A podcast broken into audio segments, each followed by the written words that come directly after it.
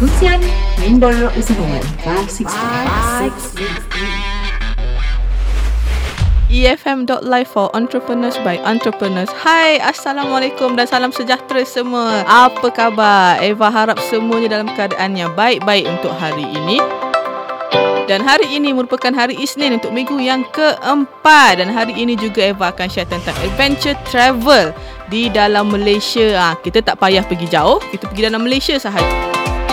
Pernah tak korang terfikir selain daripada kita visit pulau, duduk hotel, pergi theme park, kita pergi hiking pula. Ha, mendaki gunung ataupun bukit pun jadilah. Tu pun dikira tau. Okey, uh, sebelum kita bermula, Eva akan kenalkan diri Eva dulu. Eva daripada sebuah agensi pancongan yang Eva tubuhkan sendiri 3 tahun yang lepas. Um, nama agensi pancongan Eva Eva Travels dimiliki oleh Jati Juasim Holiday and Tour Sendirian Berhad. Kami menawarkan servis percutian dalam negeri dan juga luar negara dan juga ramai yang tak tahu syarikat Eva juga menawarkan servis booking tiket flight dan juga tiket theme park dan kebanyakannya yang buat booking ni semua buat pada last minute. Okey, dan pastinya di 560 di mana program ini membenarkan para-para usahawan untuk membincangkan idea untuk kongsikan idea, tips-tips kepada semua pendengar di luar sana. So, topik kita untuk discuss hari ini ialah adventure travel di Malaysia. Tahu tak korang kat Malaysia ni banyak tempat nak adventure travel. Ah, sebelum tu, apa tu adventure travel kalau korang yang terfikir ni? Korang pernah tak terfikir sebenarnya benda ni wujud dekat Malaysia? Ah, selalunya famous kat luar negara je kan? Okey, so kalau by definisi adventure travel ni merupakan travel yang difokuskan kepada sesuatu aktiviti yang lasak dan kadang-kadang aktiviti itu juga berisiko tinggi. Tapi jangan risau, selalunya kes-kes buruk yang terjadi ni tak banyak terjadi. Kalau terjadi pun mungkin sebab orang yang mengambil bahagian itu tak dengar tak jaga keselamatan yang betul. Macam di Malaysia ni semua pengendali adventure travel ni mesti buktikan kepada kementerian dan kepada orang atas bahawa aktiviti ini selamat. Contohnya, pernah tak korang pergi rope swing dekat Kuala Kubu Baru? Ha, rope swing kat Kuala Kubu Baru ni still lagi baru, dah baru kat dekat Malaysia ni dalam 2 tahun. Dan tahu tak mereka servis tali mereka tu setiap bulan tau. Ha, kos dia bukannya murah tapi untuk keselamatan. So kalau korang berani nak lompat daripada jambatan hanya bertemankan tali dan helmet uh, dan lompat korang akan lompat setinggi dekat uh, eh, 300 lebih meter. Ha, korang cubalah di crop swing di Kuala Kubu Baru. Ha, kalau korang nak tahu juga untuk rope swing ni, kalau satu lompatan dekat New Zealand tu 229 New Zealand dollar eh. So kalau korang convert kepada Malaysia tu hampir 900 ringgit. Kalau dekat UK, dekat Europe 110. So satu lompatan tu dah 500 ringgit. Ha, apa kata korang try dekat Malaysia dekat Kuala Lumpur baru je dalam 30 minit daripada Kuala Lumpur 300 ringgit untuk dua lompatan ha tak ke murah tu Ha, special untuk peminat-peminat adrenaline adrenaline rush dekat luar sana. Okey, sebelum Eva mula, Eva nak tanya, berapa banyak yang mendengar ataupun yang daripada awal tadi dengar dan yang baru saja tune in pernah mendaki gunung dekat Malaysia ni? Ha, korang nak tahu tak kat Malaysia ni kita famous dengan gunung-gunung uh, di Semenanjung dan juga di Sabah dan Sarawak. Kalau korang nak tahu Gunung Kinabalu tu merupakan gunung tertinggi di Asia Tenggara. Uh, gunung Kinabalu ni terletak di Sabah dan dia punya tinggi mencecah 4095 meter atas aras laut. Uh, dan ramailah dekat negara-negara di Asia Tenggara ini mempersoalkan betul ke Gunung Kinabalu ni gunung yang tertinggi di Asia Tenggara? Sebenarnya betul. Diorang nak fight macam mana pun Inilah gunung tertinggi di Asia Tenggara Ah, Gunung Kinabalu juga merupakan lambang kemegahan kepada setiap penduduk yang tinggal di Sabah, terutamanya orang Kadazan Dusun. Gunung Kinabalu banyak menyimpan cerita dan kisah-kisah yang misteri. Ah, menurut masyarakat Kadazan Dusun Sabah, Gunung Kinabalu merupakan tempat bersemadinya semangat mereka selepas meninggal dunia. Diorang percaya selepas mereka meninggal, mereka itulah tempat mereka akan duduk di Gunung Kinabalu. Dan orang yang duduk di kawasan Kota Kinabalu juga, mereka akan tidur menghadap ke arah Gunung Kinabalu sebab mereka percaya itulah tempat suci mereka. Dan seperti mana-mana gunung di seluruh negara juga seluruh dunia Gunung Kinabalu juga tidak terlepas daripada cerita-cerita mistik yang legenda juga unik. Ha, seperti yang baru-baru ini ada satu grup daripada luar negara um, mereka memilih untuk terlebih seronok dekat atas sana. Uh, mereka juga menunjukkan mereka tidak hormat kepada gunung itu. Oleh kerana itu uh, selepas beberapa hari sahaja lepas beberapa jam sahaja gunung itu mengalami earthquake. Ha, jadi banyak yang meninggal masa time tu. Kalau korang nak tahu juga, di atas Gunung Kinabalu juga terdapat banyak telaga dan lopak-lopak air. Semula jadi. Jadi, kaum kalasan dusun ni percaya di sinilah tempat-tempat roh nenek mereka akan bersemadi. Dan tahukah korang Gunung Kinabalu ni merupakan tempat favourite untuk orang luar negara pergi hiking? Kenapa kita sebagai orang Malaysia tak pergi hiking dekat situ? Ha, seperti apa yang Eva cerita tadi, para pendaki juga dinasihatkan agar tidak membuang air kecil atau besar ke dalam lopak air tadi yang Eva sebut kerana perbuatan tersebut tidak elok pada pandangan masyarakat tempatan dan boleh menyebabkan kemarahan oleh penghuni halus yang menetap di sana dan tidak boleh dilihat dengan mata kasar. So ada siapa-siapa tak yang nak plan pergi ke Gunung Kinabalu tu? Ha, so kalau ada yang dah plan jangan lebih-lebih tau. Dekat penghujung rancangan ni Eva akan cerita dekat korang tips-tips cuti. Ah, kita kan sangat-sangat famous dengan Gunung Tahan tapi ketinggian dia hampir setengah tapi tak sampai setengah rendah sikit daripada Gunung Kinabalu pada 2187 meter dan merupakan puncak tertinggi di Semenanjung. Gunung Tahan ini terletak di Taman Negara dan di dalam negeri Pahang. Walaupun Gunung Tahan ini lebih rendah daripada Gunung Kinabalu, Gunung Tahan ini merupakan antara gunung yang paling susah untuk kita hiking. Percaya ataupun tidak, health coach Eva sendiri pernah nasihat Eva kalau Eva ada teringin nak hike Gunung Tahan ini, Eva memerlukan sekurang-kurangnya 6 bulan untuk preparekan diri Eva untuk hiking Gunung Tahan ni. Ha, kalau Gunung Kinabalu, ha, kalau dah satu bulan dah jaga makan, dah pergi training, mesti fit, dah okey, dah boleh hiking. Lebih mudah untuk hiking di Gunung Kinabalu. Ha, Gunung Tahan ni lebih-lebih mencabar. Kalau korang nak tahu juga seperti Gunung Kinabalu, Gunung Tahan ini korang perlukan permit. Ha, permit untuk naik ke atas.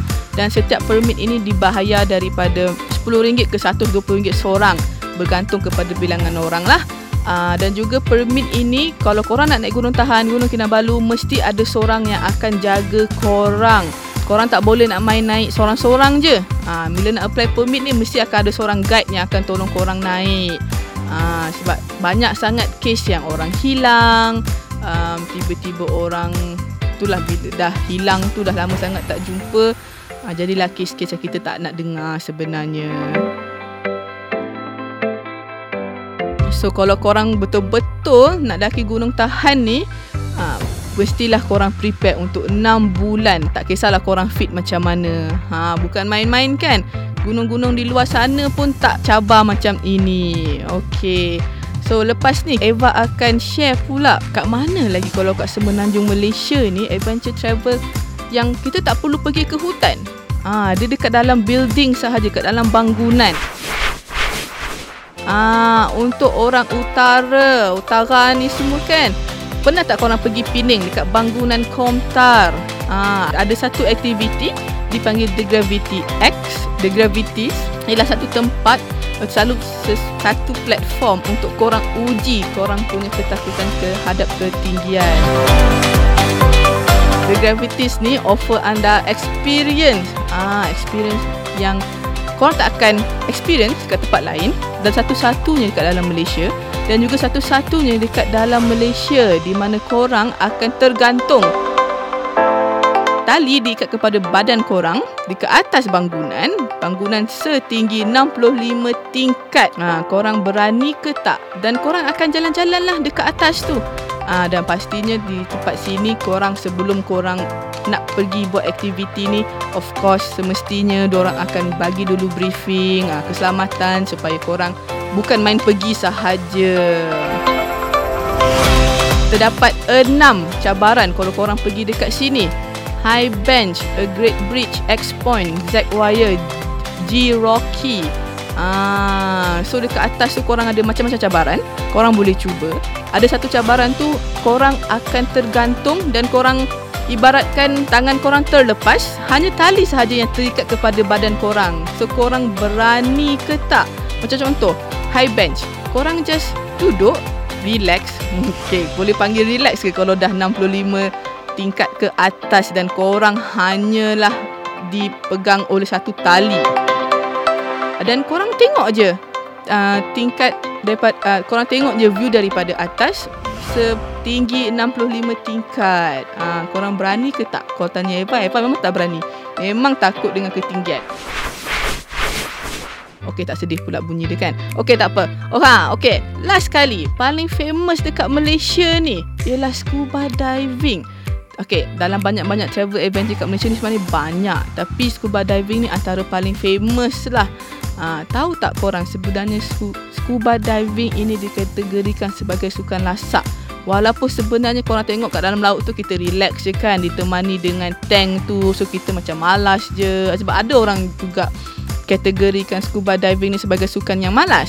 Tapi sebenarnya dia dikategorikan sebagai sukan lasak sebab kalau anda silap sikit semasa aktiviti ini, uh, ianya akan mengundangkan macam-macam masalah, macam-macam penyakit yang kita boleh dapat.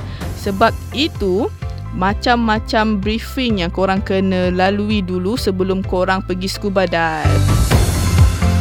So, kalau korang nak tahu, tahu tak dekat Malaysia ni, di Sipadan, Sabah itu merupakan pulau yang tercantik di dunia. So, kenapa korang nak travel dekat luar dan scuba dive di luar? Eva sendiri pernah travel, pernah scuba dive di Malaysia dan juga luar negara. Pada Eva, Malaysia ialah tempat scuba dive 5 star, 5 bintang. Itulah taraf betapa tingginya taraf scuba diving kita. Cuma mungkin ramai yang tak pergi, ramai lebih lagi suka pergi di luar. Tak apa, lepas kita pergi dalam Malaysia pula apa yang korang perlu tahu pasal scuba dive ni dekat Malaysia kat semenanjung Malaysia kita ada Pulau Tioman, Pulau Tenggol, Pulau Perhentian, Pulau Redang, Pulau Pangkor pun walaupun berada di sebelah kiri Malaysia ada tempat untuk scuba dive dan paling famous di Sabah. Kalau korang pergi Sabah tolong tolong jangan pergi scuba dive di Sabah dulu. Sebab kalau korang pergi scuba dive di Sabah dulu memang korang tak akan tengok tempat scuba dive lain tu best dah. Sebab itulah tempat yang terbaik untuk dive. So dapatkan lesen di semenanjung Malaysia dulu dan pergi ke Sabah selepas itu. Dan uh, sebelum Eva akhiri um, talk show kita hari ini Eva nak pesan sikit kepada orang luar sana. Untuk korang mulakan scuba, scuba diving ini bukanlah uh, sesuatu aktiviti yang murah. Pastikan korang ada dapatkan insurans yang special yang istimewa orang hanya bagi kepada sukan ini. Tahu tak korang kalau korang tersalah step semasa scuba dive, kalau korang tak ada credit card, kalau korang tak ada insurans yang Eva sebutkan tadi yang orang hanya sediakan special untuk aktiviti scuba diving ini, hospital takkan layan korang. Sebab kos untuk rawat kesilapan ataupun penyakit ini memang sangat mahal dan tak semua hospital buat. Dekat Malaysia, di semenanjung Malaysia hanya ada dua. Dan bila korang, contohlah kalau korang ter, accident terjadi, korang tak expect, korang mungkin tersalah step. Korang akan dibawa daripada pulau itu naik helikopter. Ha, bukan biasa-biasa eh. Ha.